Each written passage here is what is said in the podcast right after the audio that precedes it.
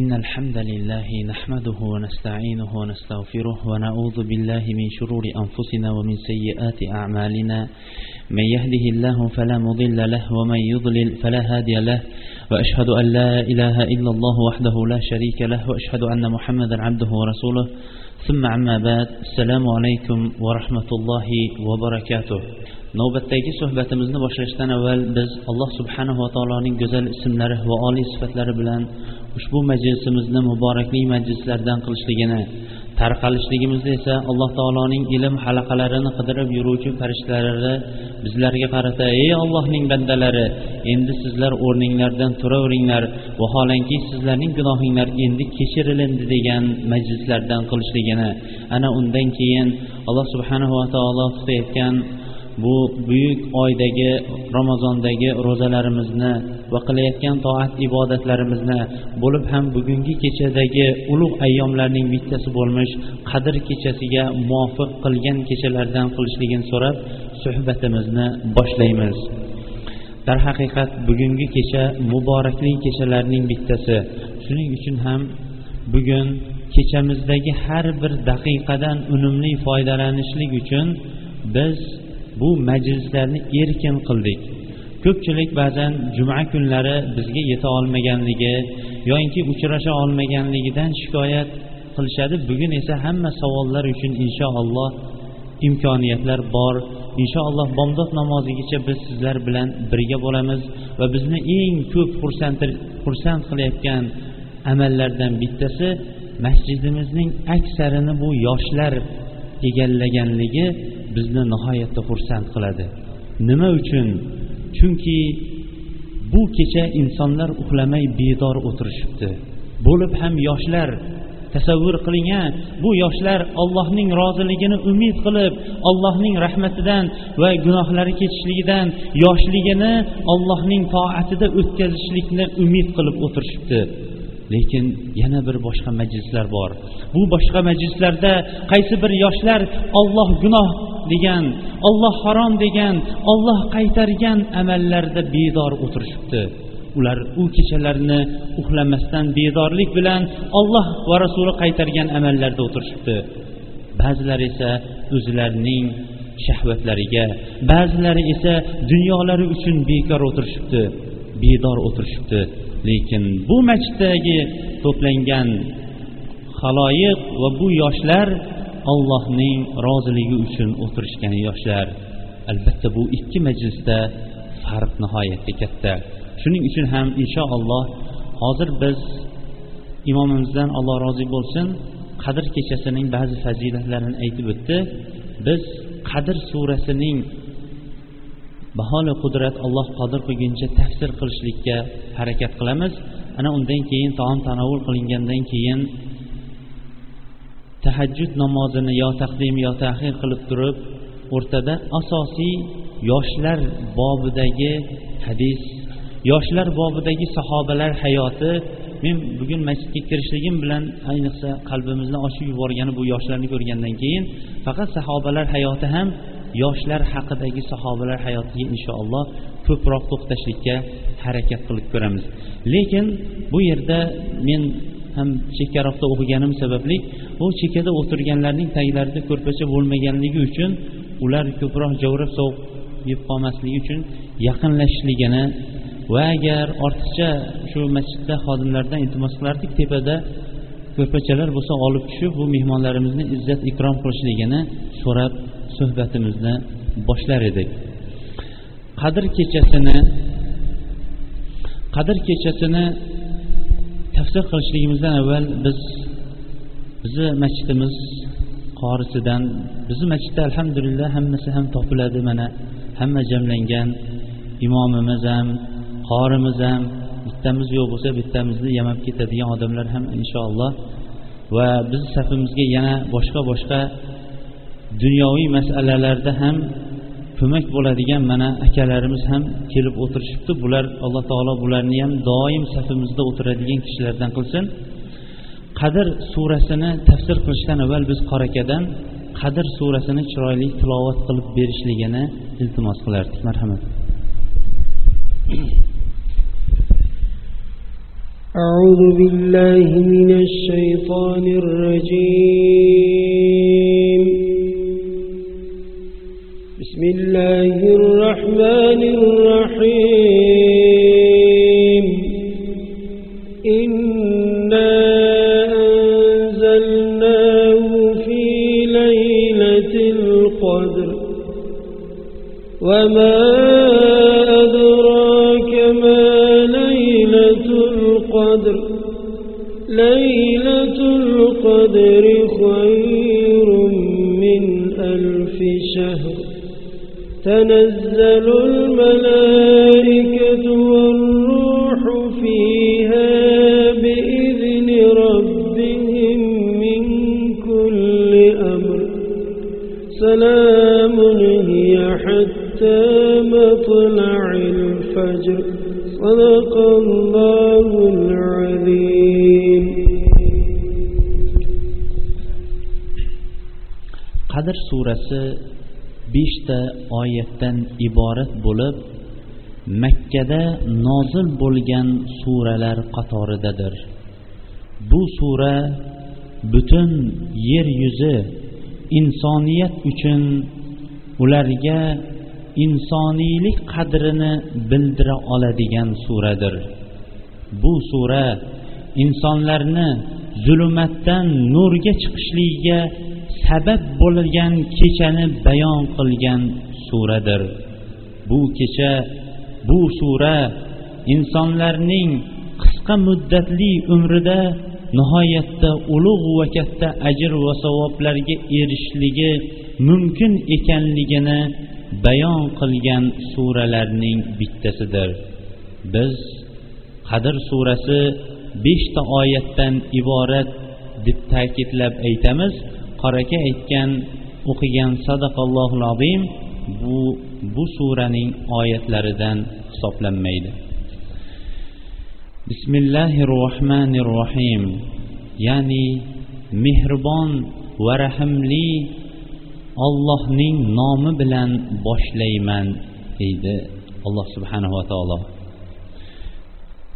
Har bir suralar qur'oni karimda bismillahi rohmanir rohim bilan boshlangan. Shuning uchun ham ulamolar bismillahi rohmanir rohim ham oyat deb aytishgan. Payg'ambarimiz sollallohu alayhi vasallam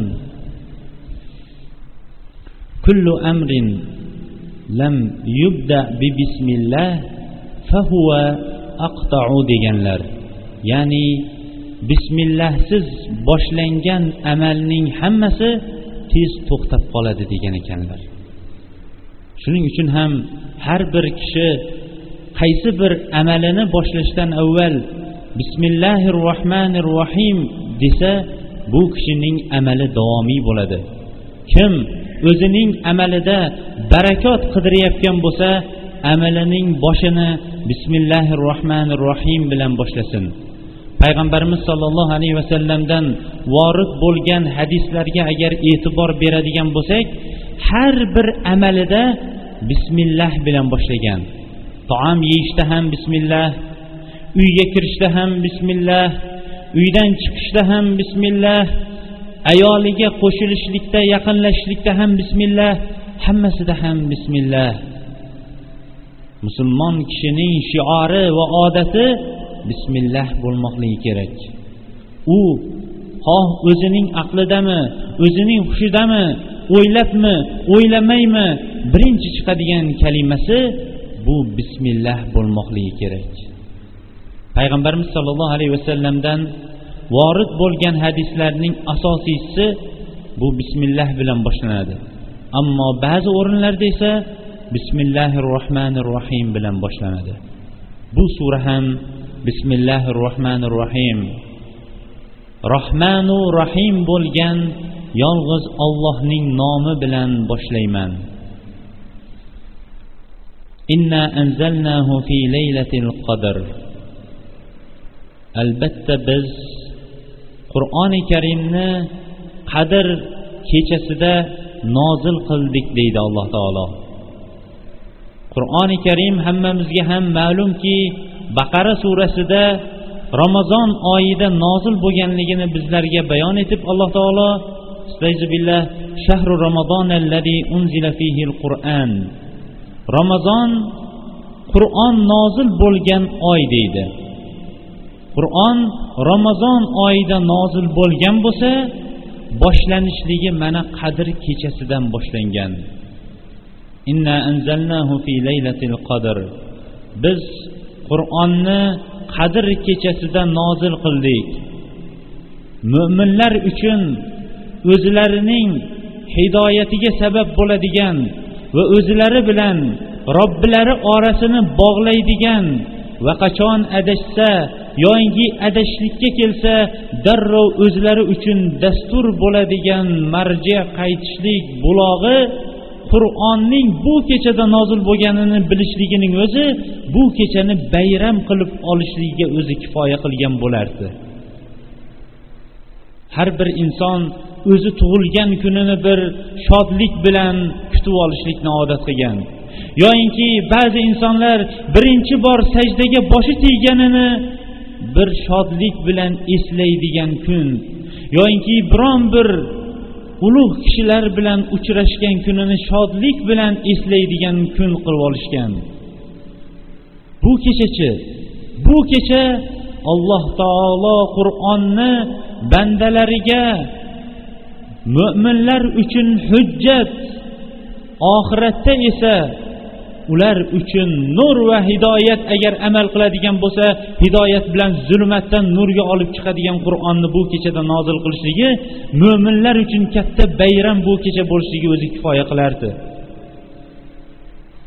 Ba'zi mufassirlar aytishganki alloh subhanava taolo lavhul mahfuzdan yettinchi osmonga qur'oni karimni qadr kechasida nozil qildi.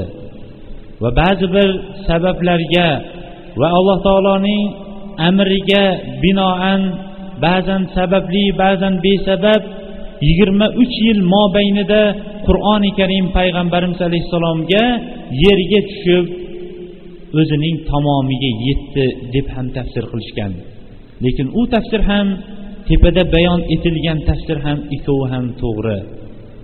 Muhimi qur'oni karim qadr kechasida nozil bo'lgan.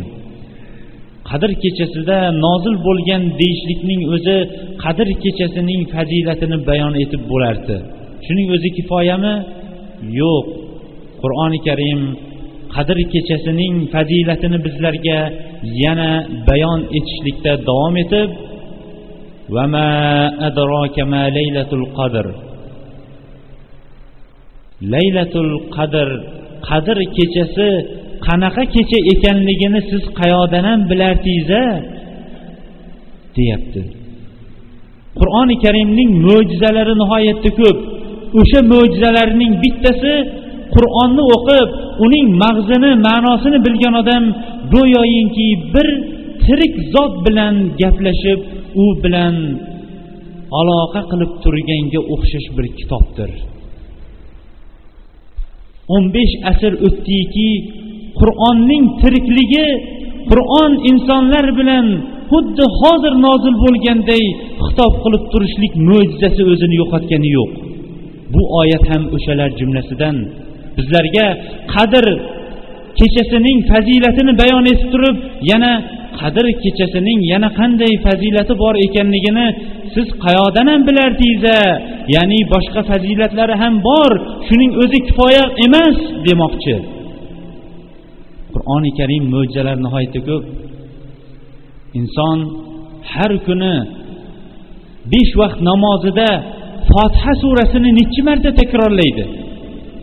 Lekin o'sha takrorlayotgan vaqtida o'n yil yigirma yil o'ttiz yil ba'zilari ellik yilgacha namoz vaqtida buni takrorlaydi. Lekin takrorlagan vaqtida bo'ldi. Men o'n yil fotiha surasini o'qidim endi men fotiha surasini o'qishlikdan zerikib qoldim degan odamni biz hayotda uchratmaganmiz inson qur'on o'qishlikdan zerikmaydi.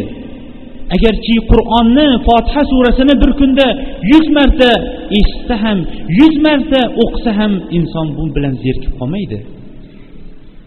Ammo dunyoviy kalomlarchi bir musiqani bitta musiqachi artist uni insonlar eshitadigan darajada tayyorlashlik uchun orqasida o'nlab odamlar bittasi karnayni cholgan bittasi surnayini cholgan va uni eshittirishlik uchun harakat qilgan. Bu eshittirishlik esa ozgina vaqtdan keyin insonlar malomatlanib qolganligini bilamiz. Shuning uchun ham har yili mavsumda yangi yangi qo'shiqlar chiqib kelaveradi. Qur'onchi qur'on o'n besh asrdan buyon biron bir kishi men fotiha surasini umrim bo'yi o'qib o'tdim malomatlanib zerikib qoldim. Degan insonni biron bir kishi yo ko'rganmi yo eshitganmi? Mana shuning o'zi ham qur'onning mo'jizalarining bittasi ekanligiga bizlarga yaqqol misol bo'la olardi. Yana bir mo'jizaviy qur'onning xitoblaridan bittasi siz bilan savol javob qiladi. Savollar ham qat'iy. Xuddi bir siz buyuk bir zotning oldida turganday qat'iy savol va qat'iy javoblarni eshitasiz. Qadr kechasi qanday ekanligini siz bilarmidingiz? Qayoqdan ham bildingiz ana undan keyin o'zi javob beradi. Laylatul qadri xayrum min alfi shahr. Darhaqiqat biz agar olloh xabar bermaganida qadr kechasining fazilatini qayoqdan ham bilardik? Laylatul qadri xayrum min alfi shahr. Qadr kechasida qilingan ibodatning hammasi ming oy mobaynida qilingan har qanaqa ibodatdan afzaldir. Allohu akbar. Allohu akbar. Allohning buyukligi o'zi berayotgan buyuk zot buyuk mukofotlarni berishligiga dalildir.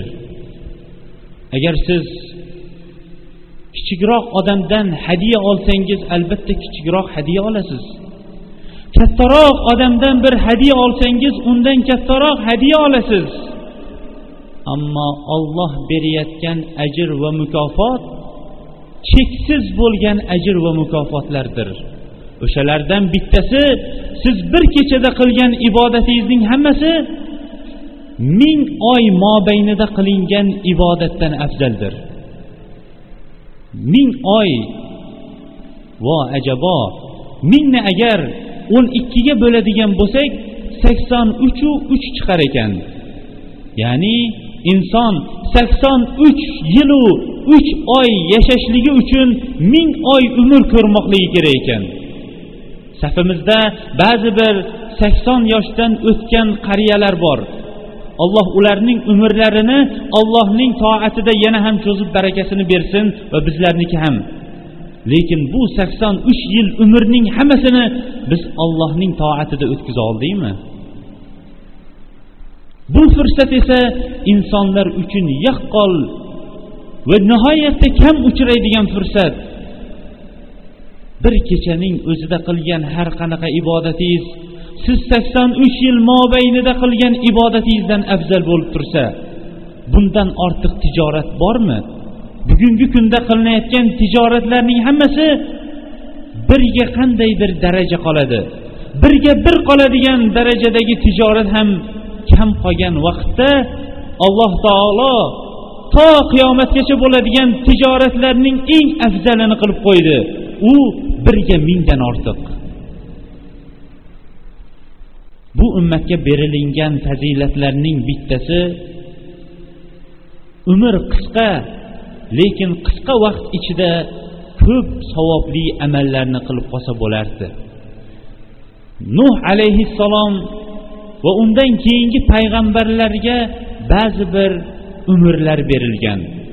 Nuh alayhissalomning o'zi to'qqiz yuz ellik yil payg'ambar bo'lgan. Payg'ambar bo'lishidan avvalgi necha yil hayot ko'rganliklari bizlarga qorong'u. Lekin hamma ulamolarning ittifoqi bilan iso alayhissalomdan boshqa payg'ambarlarning hammasiga vahiy qirq yoshidan keyin nozil bo'lgan. Demak bu iso bu nuh alayhissalomning ming yil atrofida kamida hayot qurganligini bizlarga bayon etadi. Nuh alayhissalomganing ummatiga ham nihoyatda ko'p vaqt berilgan. Nuh alayhissalom bir kuni shu bobdan zikr qilib o'tishimiz kerak. Nuh alayhissalom bir kuni bir qabriston oldidan o'tib ketyapsa bir ayolning bir qabr ustida yig'lab turganini ko'ribdi.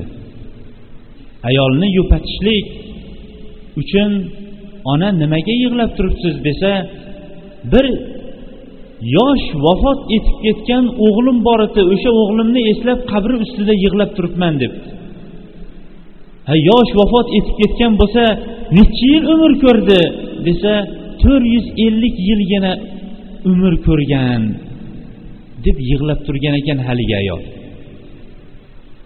Nuh alayhissalom ham buning ta'ziyasini tasalli berib g'amini yengillatishlik uchun ona eshitmaganmisiz? Oxir zamon ummati e, keladi payg'ambari keladi. Bu payg'ambarning ummatining umri ellik bilan oltmish orasida beriladi. Agar shu umr berilinsa agar sizda siz o'sha payg'ambarning ummati bo'lib qolsangiz nima qilardingiz? Deganda bu ayol bizlar uchun nihoyatda ibrat bo'ladigan bir gapni aytgan ekan. Aytgan ekanki agar men o'sha payg'ambarning ummati bo'lib qolganimda bir daraxtning soyasiga turib olib jaynamozimni ning tepasida boshimni sajdadan ko'tarmagan bo'lardim. Chunki ularga berilingan vaqt nihoyatda qisqa ekan degan ekanlar. Ellik yil oltmish yil payg'ambarimiz sollallohu alayhi vasallam mening ummatimning umri ellik bilan oltmish orasida qilinildi agar o'sha umr berilinsa degan. Hozirgi vaqtdagi statistika bo'yicha bizni qozog'iston diyorlarida qirq yetti desa ba'zilari qirq uch yoshning xabarini beryapti. Demak vaqtlar o'tgan sari insonlarning umrlari asta sekin qisqarib borishligi va u hayotga tezlanishligi bu hayotning o'zi ham qisqarishligi va qiyomatning yaqin ekanligiga dalolat beradigan alomatlarning bittasi edi. Lekin bu qisqa hayot ichida bu ummatga nihoyatda ko'p foydalar olinadigan foydalar berilingan. Ya'ni qisqa muddat lekin bu qisqa muddatda ko'p ajr va savoblarni olsa bo'ladi inson. O'sha qisqa muddat va ko'p ajr va savob oladigan vaqtlarning bittasi mana shu qadr kechasi. Bayon etganimizdek qadr kechasida qilingan ibodat sakson uch yilu uch oy qilingan ibodatdan afzal ekan. Bu ummatga berilingan bundan boshqa ham qisqa vaqtda ko'p ajr va savob olishlik fazilatlari nihoyatda ko'p. Ularning ba'zilariga to'xtab o'tamiz. Payg'ambarimiz sollallohu alayhi vasallam من صام رمضان إيمانا واحتسابا غفر له ما تقدم من ذنبه zambih dedilar. Kim ramazon oyida ro'zani iymon bilan va ajr va savobni yolg'iz va xolis ollohdan kutib turib ro'za tutadigan bo'lsa uning o'tgan gunohlari kechiriladi dedi. Bir oy tutilingan ro'za sababli insonning o'tgan gunohlarini kechiriladi dedi. Siz eshitganmisiz?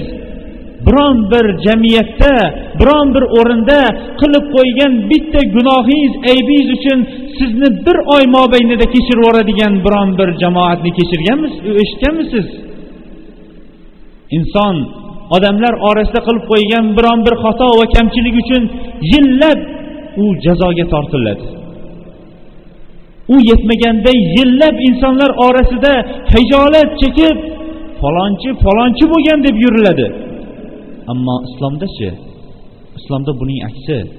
Inson tavba qilib allohga tazarru qilib qilgan o'tgan hayotiga pushaymon yeb qaytadigan bo'lsa uning gunohlari kechiriladi.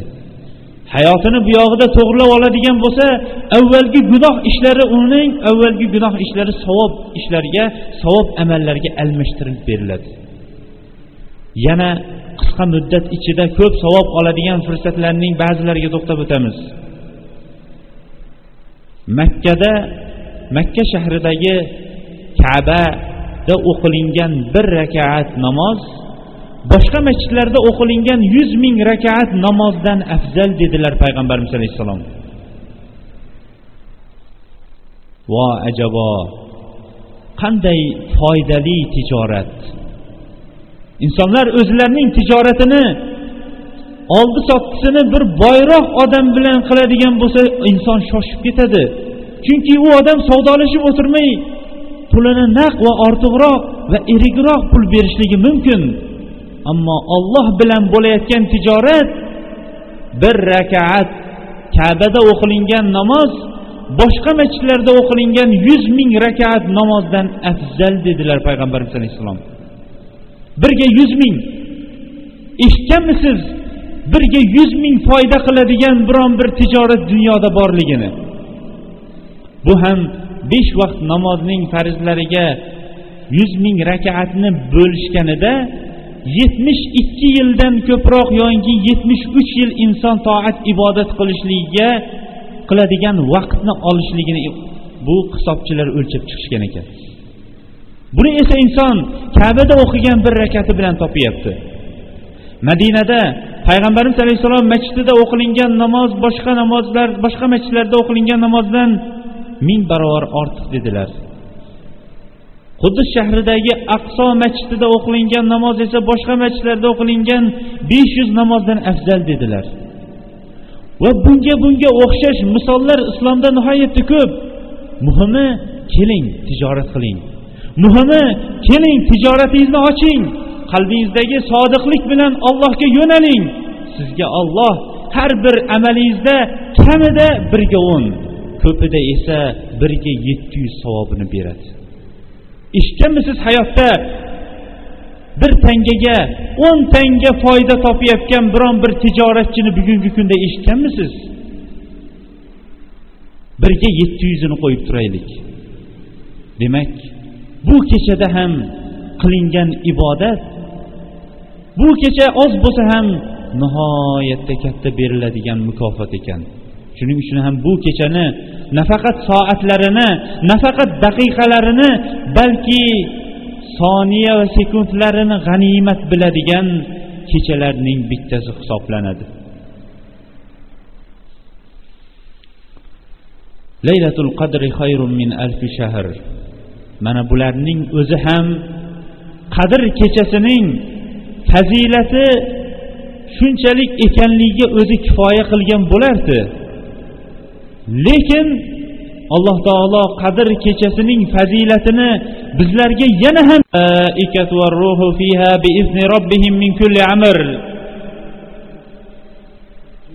ya'ni bu kechada farishtalar va farishtalarning afzali bo'lmish butun payg'ambarlarga vahiyni olib tushib turgan jibril alayhissalomning ham yerga tushishligini bayon etyapti. Agar xonadoningizga biron bir ulug' kishi keladigan bo'lsa qanchalik xursand bo'lib ketasiz? Balki ba'zi odamlar uyiga biron bir ulug' kishi kelishligi munosabati bilan uyidagi hamma buyum tayinlarini yangilab ham olishadi. Ammo bu kechada allohning nihoyatda hurmatli va buyuk bo'lgan allohga biron bir osiylik sifati bo'lmagan farishtalar yerga tushadi. U ham yetmaganday farishtalarning ulug'i bo'lmish payg'ambarlar bilan ollohning orasida vosita bo'lgan jibril alayhissalom ham bu kechada yerga tushadi. Mana shularning o'zi qadr kechasining fazilati uchun kifoya qilarmidi? Qilar edi albatta lekin ollohning marhamati rahmati biz o'ylagandan ham kengroqdir. Yana qadr kechasining fazilati haqida alloh taolo qadr surasida davom etib salamun hiya hatta matlail fajr deydi. Bomdod namozi kirgunicha bu kechada tinchlik salomatlik bo'lishligini bizlarga xabar beryapti. Ko'pchilik insonlar o'zlarining hayotida tinchlik xotirjamlik bilan yurgan soatlarini ma'lum soatlari qisqa kam bo'lganligini sanab yuradi. Ba'zilar esa xonadonida urush siz o'tgan tinchlik kunlarini sanab yuradi. Lekin bu kecha hali kecha tong otishidan avval alloh taolo xabar berib qo'yyaptiki bu kecha tinchlik va xotirjamlik bilan o'tadigan kecha ekanligini. Mana bu suralar suradagi oyatlar qadr kechasining qanchalik qiymatli qanchalik muborak va qanchalik fazilat egasi ekanligiga bizlar uchun kifoya qilgan bo'lar edi. Lekin payg'ambarimiz sollallohu alayhi vasallam ham qadr kechasining fazilatida davom etib imom buxoriy jomiy sahihida chiqargan hadisda man qoma laylatal qadri imanan va ma taqaddama min zambih dedilar. Kim qadr kechasida iymon bilan demak allohning oldida amallar maqbul bo'lish uchun birinchi talab qilinadigan shart bu iymon bo'lishligi.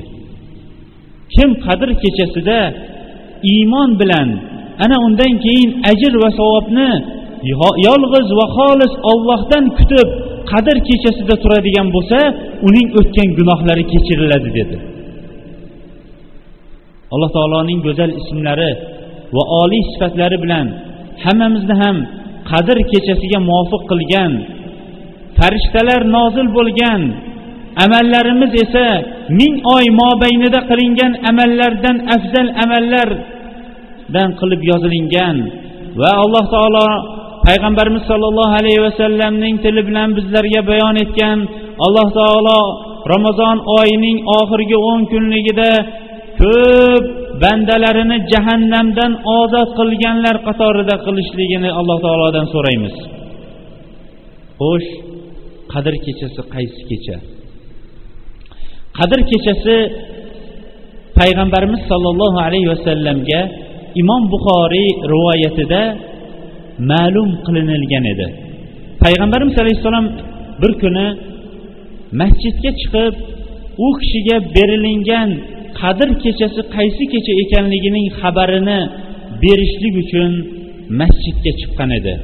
Lekin masjidda ikki kishining bir masalani tortishib turganligi sababli va u ikki kishining o'rtalarini to'g'irlab masalani hal qilib bergunicha payg'ambarimiz alayhissalomdan bu kecha unuttirilindi lafzga e'tibor bering a unuttirilindi keyin payg'ambarimiz alayhissalom minbarga chiqib aytdilarki menga qadr kecha qaysi kecha ekanligi bayon qilingan edi xabar qilingan edi lekin men bu ikki kishini oralarini isloh qilish asnosida mendan qadr kechasi qaysi kecha ekanligi unuttirilindi. Endi sizlar qadr kechasini ramazonning oxirgi o'n kunligining tog' kechalarida qidiringlar. Shoyatki bu sizlar uchun yaxshi bo'lsa dedi. Demak qadr kechasi oxirgi ramazon oyining oxirgi o'n kunligining har tog' kechasida qidiriladigan kechalarning kechalar hisoblanadi. Payg'ambarimiz alayhissalom shoyatki sizlarga bu yaxshilik bo'lsa degani inson bu kechalarda o'zining tijoratini ko'paytiradi. Ba'zi bir tijorati nihoyatda yaxshi yuradigan haftada bir kun yoki ikki kun bozor bo'lishiga rozi bo'lmagan kishilar har kuni bozor bo'lsa ya deydi. Chunki har kuni tushayotgan daromad katta daromad. Kelayotgan mol ham arzon kelyapti. Sotilayotgan mol ham qiymatiga qimmatiga sotilyapti. Qaniydi har kuni mana shunday bozor bo'lsa ya deydi. Va bu bozorda inson tijorati o'tib turganligi uchun charchab ham qolmaydi. Uyqusi ham kelmaydi. Qarasa ovqat ham kamroq ketyapti. Shuning uchun ham har kuni bozor bo'lishligini orzu qiladi. Bu kechalar ham tijorat kim bilan kim tijorat qilyapti? Va qaysi bir amalda tijorat bo'lyapti? Payg'ambarimiz sollallohu alayhi vasallam ala inna silatallohi g'oliya. Ala inna silatallohil janna dedilar. Ya'ni ogoh bo'linglar ollohning matosi qimmatdir ogoh bo'linglar ollohning matosi jannatdir dedilar. Bu qilinayotgan amal bu qilinayotgan tijorat bu uyqusizlikni tashlashlik bu taomlarni tashlashlik bu sharoblarni ichimliklarni tashlashlik o'zining ahliga ham yaqinlasha olmaslik allohning rahmatini kutishlik hammasi oxir oqibat jannat uchun bo'layotgan tijoratdir. Shuning uchun ham bu kechalarning hammasida ham qadr kechasini kutishlik albatta jannatning oshiqlari uchun yengil bo'ladi. Keyingi masala payg'ambarimiz alayhissalom ikki kishining husumatlashib qolganliklari sababli u kishidan bu kechaning qaysi kecha ekanligi unuttirilindi. Hadis bayon qilib o'tilinganligi uchun shu nuqtaga ham to'xtashlikni joiz deb bildik. Chunki husumat islomda doim qoralanib kelgan. Ikki kishi husumatlashdi bo'lib ham ramazon oyida ikki kishi husumatlashdi bo'lib ham masjidda ikki kishi husumatlashdi bo'lib ham payg'ambarimiz alayhissalom oldida bu esa butun ummatga oxiratgacha bo'lgan ummatga ozroq bo'lsa ham o'zining ta'sirini ko'rsatib qo'ydi chunki o'sha sababli alloh taolo qadr kechasining tayinli vaqtini qaysi bir kecha ekanligini payg'ambarimiz alayhissalomdan unuttirgizdi demak husumat hamma o'rinda ham qoralanadigan malomatlanadigan amallardan. Keyingi va oxirgi qadr kechasiga taalluqli bo'lgan masalalarning bittasi qadr kechasining alomatlari haqida. Xalqlar ichida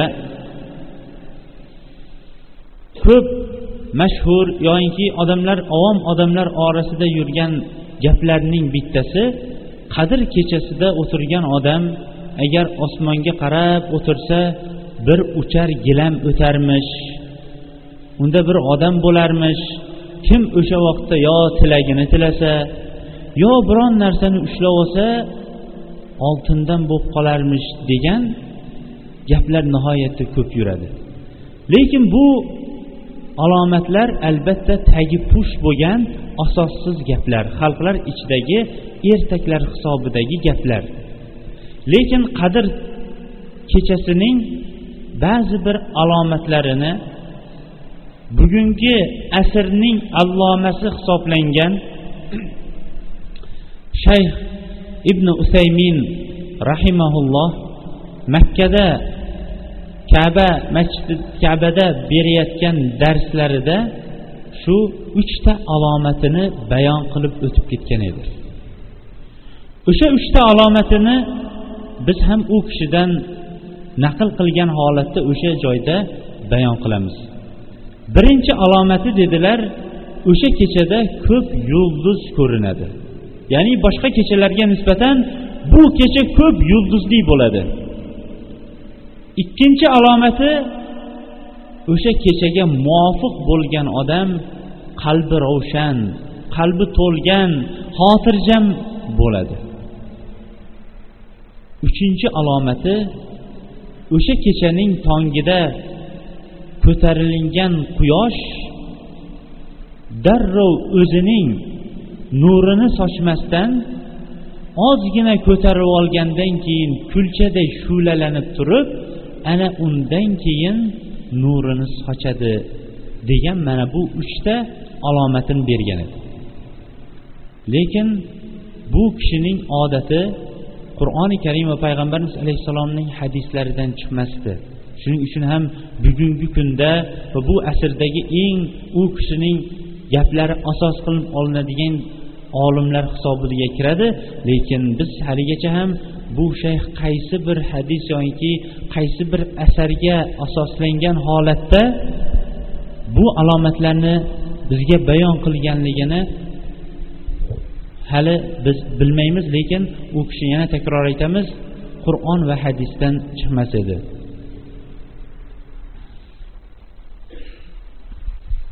Payg'ambarimiz sollallohu alayhi vasallam qo'shnilarni hurmat qilish ham iymondan degan bizni qo'shnilarimiz marhamat oldiga turamiz.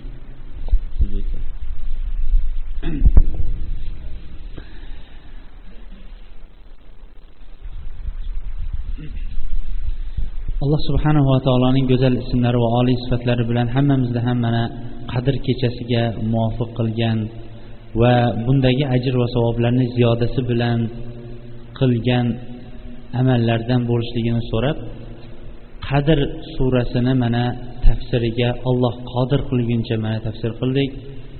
Nima narsada adashgan va xato qilgan bo'lsak bu bizdan va shaytondan nima narsani to'g'ri aytgan bo'lsak bu yolg'iz ollohdan ba'zi bir savollar tushibdi.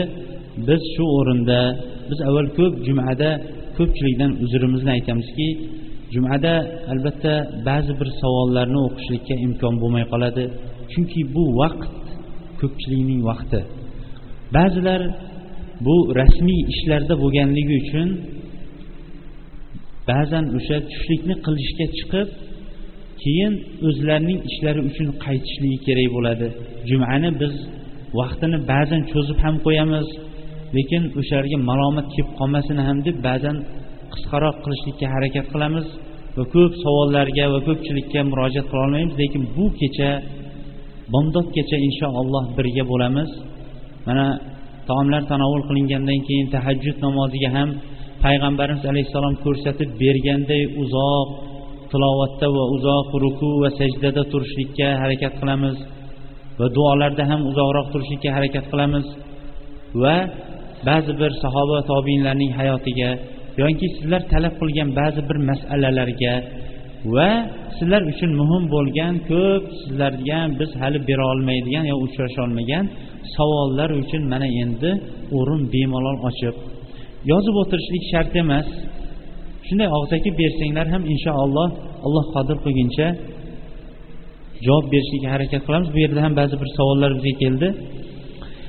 Ba'zilar savol ba'zilar namozlarning islomga bo'lgan amallarining noqisligini ko'rib g'azabini keladi. Olloh meni yo adashtirdi yo haqiqatni ko'rsatdimi? Tushuna olmay turibman. Ba'zida namozxonlarning islomga bo'lgan amalini savolni endi tushundik. Chunki savolni tushunishlik yarim javob bo'ladi. Savolda shuki ba'zilarning namozlarini ba'zi namozxonlarni ekan namozxonlarning islomga bo'lgan amallarining noqisligini ko'rib g'azabim keladi. Olloh meni yo adashtirdi yo haqiqatni ko'rsatdimi deydi. Savol tushunarli darhaqiqat bu savolni bergan akamizga ham rahmat. Sababi qalbdagi narsani bir kishidan so'rashligi kerak. Chunki insonning qalbiga bir shubha kelsa shayton bu shubhani kattaytirib kattaytirib oxir insonning iymonida shubhalantirib qo'yishlikka olib kelib qo'yishligi mumkin. Payg'ambarimiz alayhissalom aytdilarki shayton kelib falon narsani kim yaratgan falon narsani kim yaratgan deb aytaveradi. Va oxiri kelib ollohni kim yaratgan degan fikrni ham olib keladi dedi. Shuning uchun ham shubha bo'lgan vaqtda albatta qur'oni karim va payg'ambarimiz alayhissalom hadislariga yoyinki ahli ilmga yoyinki bizga o'xshagan ilmni endi talab qilayotgan odamlarga murojaat qilishlikka harakat qilsa shunda bir o'zidagi shubhani ketkazishlikka bu kishi harakat qilishligi mumkin. Avvalambor biz aytardikki akamizga nuqsonsiz odamning o'zi bo'lmaydi. Hammada ham xato va kamchilik bo'ladi. Payg'ambarimiz alayhissalom aytganlarki sizlar gunoh qilasizlar ana undan keyin tavba qilib ollohga iltijo qilasizlar va alloh tavbanglarni kechiradi agar gunoh qilmaganinglarda edi ya'ni bu hayotda bunday davom ettirmagin bo'lardi deydi bu degani inson gunoh qilaverishligi keyin tavba qilib olib yana gunoh qilaverishligi joiz degan gap chiqmaydi. Ikkinchi masala jannatga kirgan odamlarning ham manzilati bir xil bo'lmaydi. Jannatda ham insonlarning manzilati dunyoda qilgan amaliga qarab har xil bo'ladi. Dunyoda ko'p amal qilgan odamlarning manzilati xuddi bizda dunyosi ko'p bo'lgan odamlarning imoratlari baland bo'lganga o'xshash ularning o'rinlari ham jannatda baland bo'ladi. Lekin jannatda eng pastda turgan odam men eng baxtli odamman deb turadi. Mana bu dunyo bilan jannatning farqlarining bittasi. Shuning uchun ham insonlardagi uncha muncha noqislik ko'rilgan vaqtda bu inson baribir inson ekanligini unutmasligimiz kerak. Ikkinchi masala insondagi gumon iymonni ketkazadi degan xalqimizning gapi bekor gap emas. Bizda bir xulq jihatidan inshaalloh bugun xulq jihatidan ham bir suhbat yuritishlik niyatimiz bor. Xulq jihatidan ham o'z ustimizda ishlamoqligimiz kerak. Nihoyatda bir qoida bo'lgan xulq jihatidagi bir umar ibn hattobning gapini hozir zikr qilamiz. O'ylardikki orzu qilardikki shu yerdagi hamma shuni eslab qolsa.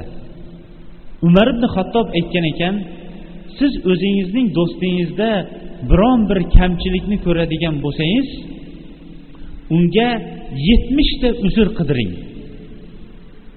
Agar shu uzrlaringizdan birontasi to'g'ri kelmaydigan bo'lsa ha men bilmagan boshqa bir uzr bordirda deb o'girilib keting degan ekan. Masalan aytaylikki o'zimizni misol qilib aytganda juma kuni juma namozidan keyin biz ko'pchilik bilan ko'rishamiz. Ba'zi odamlar bilan ko'risholmay qolamiz. Ha bu taqsir ko'tarilib qolibdida degan fikrdan avval yetmishta uzr qidirishligimiz kerak ekan. Endi savol javobi o'zimizga bog'liq. Urushib qolgan kelisholmay qolgan yoyinki yomon gumon bilan ajrashgan do'stlarimizga biz yetmishta emas yettita chiroyli gumon qidirishlikka harakat qildikmi haligi xalqimiz ichidagi olloh degancha kallamni olasanmi degan ham gap ham o'shandan kelib chiqqan bo'lsa kerak. Shuning uchun ham inson o'zining namozxon birodarida biron bir nuqsonni ko'radigan bo'lsa uzr qidirmoqlikka harakat qilmoqligi kerak. Uchinchi masala bu bobdagi inson ming kamolatga yetmasin ming namoz o'qimasin va har qancha ilmga yetmasin baribir u uning uddasiga va uning cho'qqisiga yeta olmagan. Xuddi shoir aytganiday cho'qqilarning eng buyiga chiqdim desam undan keyin yana bir cho'qqi turgan ekan deganga o'xshash bu insonda noqislik topilaveradi. Uchinchi masala bu avvalgi masalaga bog'liq. Biz doim o'zimizda bir ikkita ruscha qilib aytganda ruscha qilib birodarimizni to'xtatib qo'ymasin. Payg'ambarimiz alayhissalom aybni ko'rgan vaqtida bu aybni to'g'irlab qo'yishlikka ham buyurgan. Endi ikkinchi masalaga o'tamiz. Bu kishi aytyaptiki olloh meni yo adashtirdi yo haqiqatni ko'rsatdimi mana bu muhim u kishi talab qilayotgan so'roq ana endi keladi. Agar doim yomon niyatda ko'radigan bo'lsangiz olloh adashtirdi deb biling. Va darrov istig'for aytib boya biz tepada aytgan yaxshi gumonga o'ting. Agar yaxshi gumon bilan bo'ladigan bo'lsangiz bilingki sizni alloh hidoyatlabdi va alloh sizga bir o'zining ilmidan bir ilmini beribdi. Chunki insonlarning nihoyatda ko'pi xato ishlarni qilib yuradida shu xato ishlarni ham savob ishlar deb o'ylab yurishligi mumkin. Va uning xatoligini bilmaydi ham. Lekin siz o'sha xatoni endi bila olibsiz bu xatoni boshqalarda ko'rgan vaqtda bu xatoni chiroyli yo'l bilan o'zingiz tushunishlikka ana undan keyin chiroyli yo'l bilan unga tushuntirishlikka ham harakat qiling. Bugun vaqtimiz nihoyatda keng bo'lgani uchun savollarga ham keng keng to'xtab o'tamiz javoblarida. Ba'zilar birovlarning xatosini to'g'irlash uchun qo'pol ravishda muomala qilib qo'yadi. Masalan bir kishi namoz o'qiyotgan vaqtda namozidagi bitta sunnatini bajarsa ikkinchi kishi bu amal sunnat ekanligini bilmasdan qattiq urishib yuboradi. Bunga bir juda ajoyib ulamolar bir misol keltiradi. Mana shu misolni aytsak insonlardagi xatoni tushuntirishlikning uslubi ham qanchalik bo'lishligini o'zi inson o'ziga bir dars qilib olsa bo'ladi. Bir kuni podshoh tush ko'ribdi tushida tishining hammasi tushib qolibdi bitta tishi qolibdida u ham sal o'tmay tushib qolibdi bundan qo'rqqan podshoh darrov tush tavil qiladigan odamlarni shahardagi hammasini yig'dirib kelibdi bir chekkadan so'ray boshlabdi. Bittasi kelib tushni aytibdiki otang o'ladi onang o'ladi xotining o'ladi bolang o'ladi palonching o'ladi pistonching o'ladi. Oxiri kelib o'zing ham o'lasan debdi. Buni eshitgan podshoning g'azabi kelib darrov olib borib kallasini oboringlar boringlar debdi. Buni orqada eshitib turgan ikkinchi tavilchi aytibdiki podshoh hazratlari siz oilangizda eng ko'p umr suradigan siz ekansiz debdi. Buni eshitgan podshoh xursand bo'lib ketib darrov unga to'n kiydirdi. Endi qarang javobga. Ikkovi ham to'g'ri gapirgan. Ya'ni podshohning oilasidagi hammasi bir chekkadan vafot etib oxiri o'zi vafot etadi. Lekin tushuntirish ikki yo'l bilan bo'lgan. Tushunarli bo'lsa kerak a o'ylaymizki bundan keyin inson mana shu qissaning o'zi kifoya qilsa kerak. Keyingi namoz ramazon hayiti namozida takbir tashrih aytiladimi? Ya'ni boshqa farz namozlarida ham aytilinadi bunda. Chunki bu alloh taoloning ya'ni buyuk qilgan kunlari va ko'p buyuk bo'lgan amallardan qutulayotgan vaqt. Keyingi masala inshaalloh biz yo jumadagi xutbalarimizda.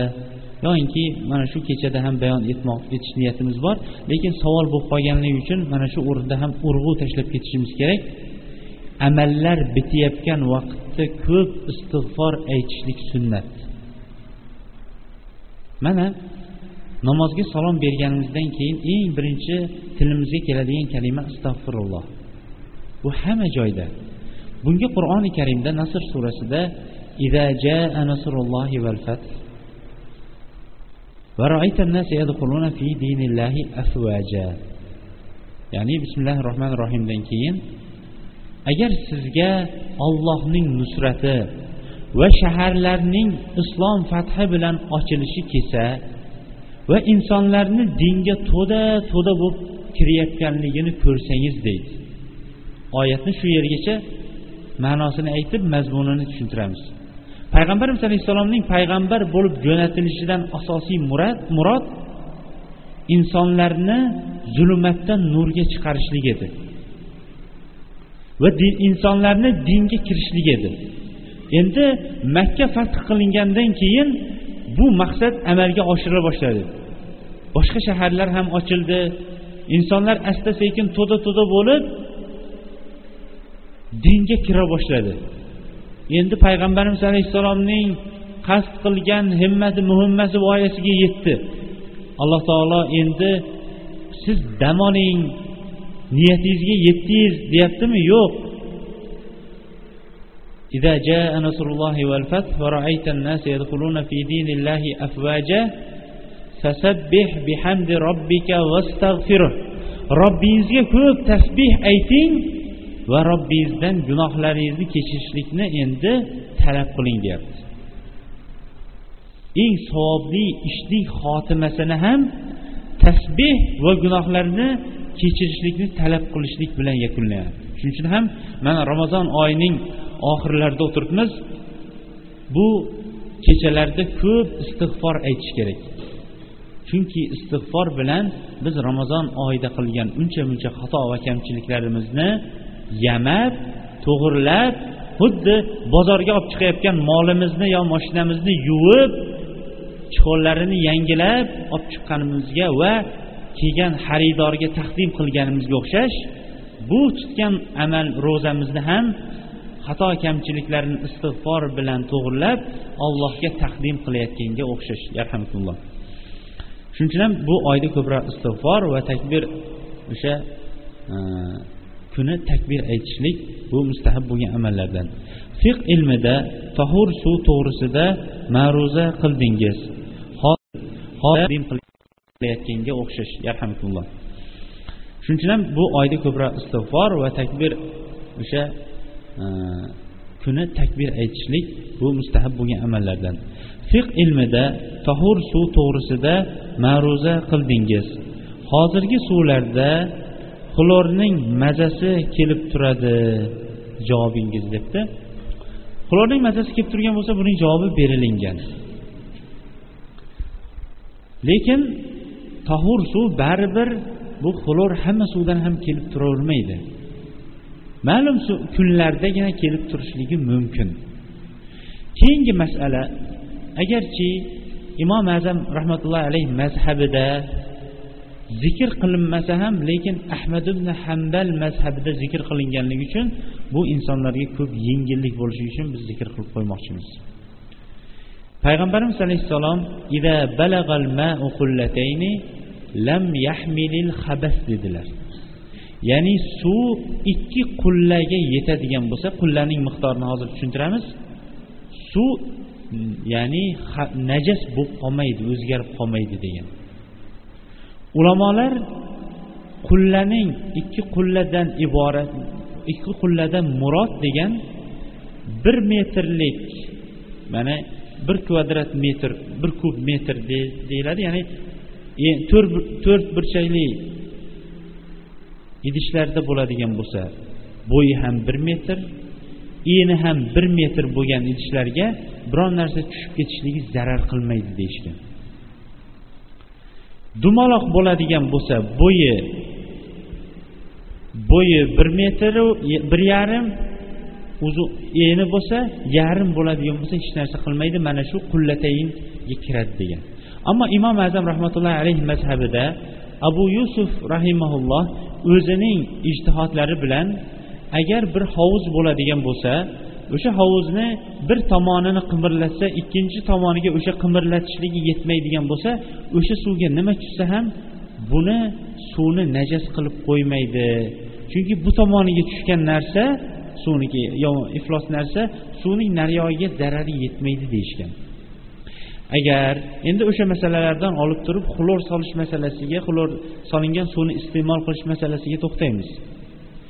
Agar mana katta bir domlarda turadigan kishilarga agar solingan xlor oz miqdorda bo'lsayu suv saqlanadigan joy katta bo'ladigan bo'lsa o'sha hukmni oladi. Tushunarli bo'lgan bo'lsa kerak a yana o'n besh daqiqalik vaqtimiz bor ekan. Shuning uchun agar savol javob bo'lsa bir o'n besh daqiqa savol javobimizni o'tkazamizda yo yigirma daqiqa. Ana undan keyin bizniki ham niyatimiz yo'q emas istehno qilishlik. Bugun anas ibn malik roziyallohu anhu qur'onni o'qib bo'lganidan keyin o'tirib olib duo qilar ekan. Qur'onni xatm qiladigan kuni o'zining yaqinlarini qarindosh urug'larini ham chaqirib birgalashib o'tirib duo qilishligini so'rar ekan. Bu ya'ni hamma amallar tamomiga yetayotgan vaqtda alloh taolo ko'p mukofot beradi. Masalan aytaylikki hammamiz ham qishloqda yashaymiz kolxoz planni topshirib bo'ldi. Hamma yetarli bo'ldi keyin oxirida mana shuncha gektar ana sizlarga deb berib yuboradi. Shunga o'xshash amallar solih yaxshi va katta amallar bitayotgan vaqtda alloh taolo ham ko'p rahmatini tushirib turgan vaqt bo'ladi. O'sha vaqtda ko'proq duo qilishlik bu mana shu anas ibn malik roziyallohu anhuni amaliga muvofiq mustahab bo'lgan amallarni bittasi hisoblanadi. Bugungi kunda mana bu kechada ayniqsa mana makkada va madinada qilayotgan ibodatlarni agar yo kaseta orqali yo boshqa orqali ko'rayotgan odamlar bo'lsa ular soatlab desak mubolag'a bo'lmaydi. O'sha jahriy turib namozda duoni qilishadi. G'usul qilishda suvning miqdori bormi? G'usul qilishda suvning miqdori bor. Lekin biz jumadagi savol javoblar darsligimizga buni kiritmagandik. Sababi buni ko'pchilik tushunmay qolmasin deb. Ba'zi savol javoblar asosida bizga ba'zi bir e'tirozlar ham kelmaydi emas. Ba'zan kelib ham turadi. Yo orqamizdan o'sha aytiriladi ba'zilar o'sha e, bu bola ozroq xato ketdi degan e'tirozlar ham bo'ladi. O'shanaqa e'tirozlar bo'lsa bemalol. Albatta hammamiz ham insonmiz adashamiz. Bu g'usul qilish bobidagi miqdor payg'ambarimiz alayhissalom nihoyatda kam suv bilan g'usul qilganlar. Buni muttafaqun alayh bo'lgan hadisda bayon etilgan vaqtda tobiinlarning bittasi aytganki mening sochim qalin bu yetmay ham qoladi deganda haligi sahoba g'azabi kelib turib bu suvni ishlatgan zotning sochi sening sochingdan ham qalin edi ya'ni payg'ambarimiz alayhissalomning sochi sening sochingdan ham qalin edi lekin suvni yetkazgan degan. O'sha suvning miqdorini hozir aytadigan bo'lsak bu so'zni ko'pchilik ham aytadi. Bu suvning miqdori shayx muhammad muxtor shinqitiy belgilab beradi. Biz odat qilib doim ichadigan suv stakan suvning ikkitasi deydi. Bilmadik nechi gramm lekin gap barakada. Hozir ba'zi odamlar bir chelak suvni ham yetkazolmay qolganligini eshitib qolasiz ba'zan masala barakada. Lekin ba'zan bu sunnat ekan deb turib ba'zan inson bu ikki stakan suvni olib olib boshidan nariyog'iga o'tmay qolib turmasin ertangi kunda. Chunki g'usulda talab qilingan amal suv badanning hamma joyiga yetishligi isrof qilinmagan holatda. Tushunarliga tahoratda ham o'shanaqa. Payg'ambarimiz alayhissalom tahorat olayotgan vaqtda suvni isrof qilmang agarchi daryoning bo'yida sohilida o'tirsangiz ham deganlar. Odamlarning ham aksari yoshlar edi. Hatto ba'zilari balog'at yoshiga ham yetib yetmagan yosh bolalar edi. Payg'ambarimiz alayhissalom ularni ba'zilarini bir hazil mutoyiba ham qilib qo'yardi. Ba'zilarini esa erkalatardi. Qo'yingki ularga lekin ilmdan dars berishlikdan qo'ymasdi. Va vasiyat ham qilardi. Shuning uchun ham payg'ambarimiz alayhissalom ko'p hadislarini yosh bolalar rivoyat qilgan hadislar ham nihoyatda ko'p. Zayd ibn sabit roziyallohu anhu. Zayd ibn sabit juda yoshlik davrida payg'ambarimiz alayhissalom oldiga bir janglarning bittasida bir o'zi bilan barobar qilichni ko'tarib keldi deydi. Keyin payg'ambarimiz alayhissalom u kishini qaytarib yuborgandan keyin qanday qilib payg'ambarimiz alayhissalomga yaqinlik qilaman ya'ni yaqin yuraman deb ilm talab qila boshladi deydi. Keyin payg'ambarimiz alayhissalom uning zakovati kuchliligini ko'rib turib bu yahudlar tilini o'rganishlikka buyurdi.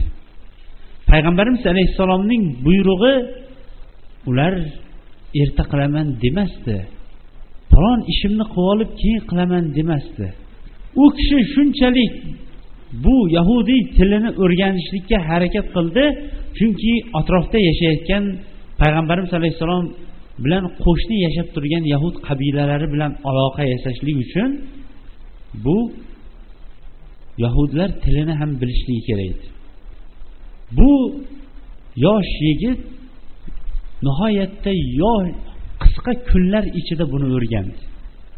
Qancha kunlar ichida o'rgangan deb inson o'ylashligi mumkin. Bir tilni mukammal yaxshi bilishlik uchun qancha oy sarf qilinishi mumkin?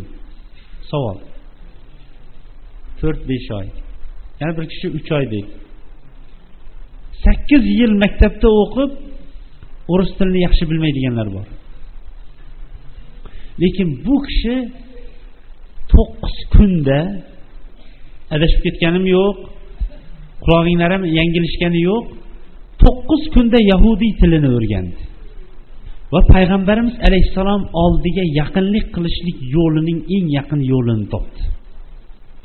Payg'ambarimiz alayhissalomning xatlarini tarjima qila oladigan bora bora ilmni olib vahiy yozadigan odamga aylandi. Vahiy yozishlikdan murod qur'onni yozadigan odamlarning bittasiga aylandi. Zayd ibn sabit payg'ambarimiz alayhissalom vafot etganidan keyin madinayu munavvarada ishora bilan ko'rsatiladigan va ilm olinadigan bo'lsa darrov u kishidan olinadigan odamlarning bittasiga aylandi. Nima uchun? Chunki u kishi erta vaqtidan birinchi yoshidan harakat qilgan edi. Bola boshidan deb xalqimiz ham o'shaning uchun bekorga aytmagan. Hatto payg'ambarimiz alayhissalom vafot etganidan keyin bu kishi madinadagi katta ilm buloqlaridan bittasiga aylangandan keyin hatto abdulloh ibn abbos roziyallohu anhu ham u kishining qo'lida ta'lim topgan sahobalarni bittasiga aylandi. Bir kuni zayd ibn sabit roziyallohu anhu bir janozadan qaytayotganida abdulloh ibn abbos roziyallohu anhu yugurib borib darrov hashirlarining yuganidan ushlab zayd ibn sabitni o'tqizmoqchi bo'ldi. Qo'ying ey payg'ambarimiz alayhissalomning amakilari bunaqa qilmang dedi. U kishi darrov u kishini o'tqizishga o'tqizib yordamlashib payg'ambarim ulamolar bilan biz mana shunday muomala qilishlikka buyurilganmiz dedi.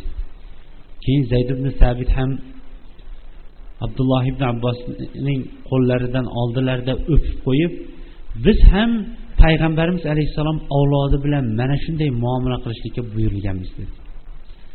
Zayd ibn sabit roziyallohu anhu vafot etganidan keyin muaz ibn jabal roziyallohu anhu dafn qiling bu zayd ibn sabitni dafn qilgandan keyin qabriston oldida turdilarda haloyiqqa qarab turib bugun payg'ambarimiz alayhissalomdan keyingi katta bir ulkan ilmning bittasini bugun dafn qildik.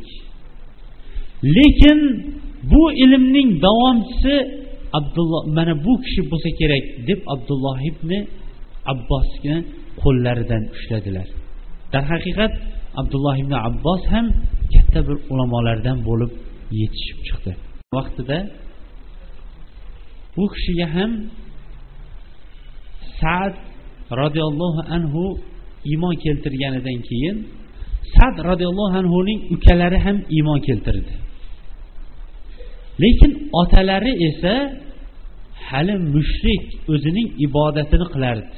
Ya'ni butga qiladigan ibodatini qilardi bular qaysi yo'l bilan otalarini dinga chaqirishni lozim tutishligini o'ylab turib bir kuni butini ibodat qiladigan joyidan olib qo'ydi. Ota hayron keyin o'g'il aytdiki agar bu but o'ziga manfaat beradiganda beradigan bo'lganida bu joydan jilmasdi dedi. Keyin butini qayta topib oldi va o'ziga yana bunga ibodat qila boshladi. Boshqa kuni bular kelishib butni axlatxonaga tashlab yubordi. Bir o'lgan it bilan bog'lab axlatxonaga tashlab yubordi. Keyin bu otalarining ismi amr ibn jamruh edi. Butini yana qidirib qoldi. Bolalarga baqirdi senlar olgandirsan deb. Keyin axlatxonada it bilan yotgan butini ko'rib turib agar but bo'lganingda haqiqatdan ham o'zingni saqlarkansan deb iymonga qaytgan. Mana islomda yoshlarning ham davri nihoyatda katta va ulug' bo'lgan. Savol bo'ldi deydi erim namoz o'qishingga qarshi erim namoz o'qishga qarshi erimni roziligini olaymi allohning roziliginimi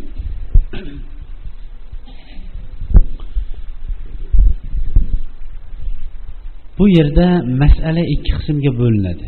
Birinchi qism alloh taolo farz qilgan ibodatlar.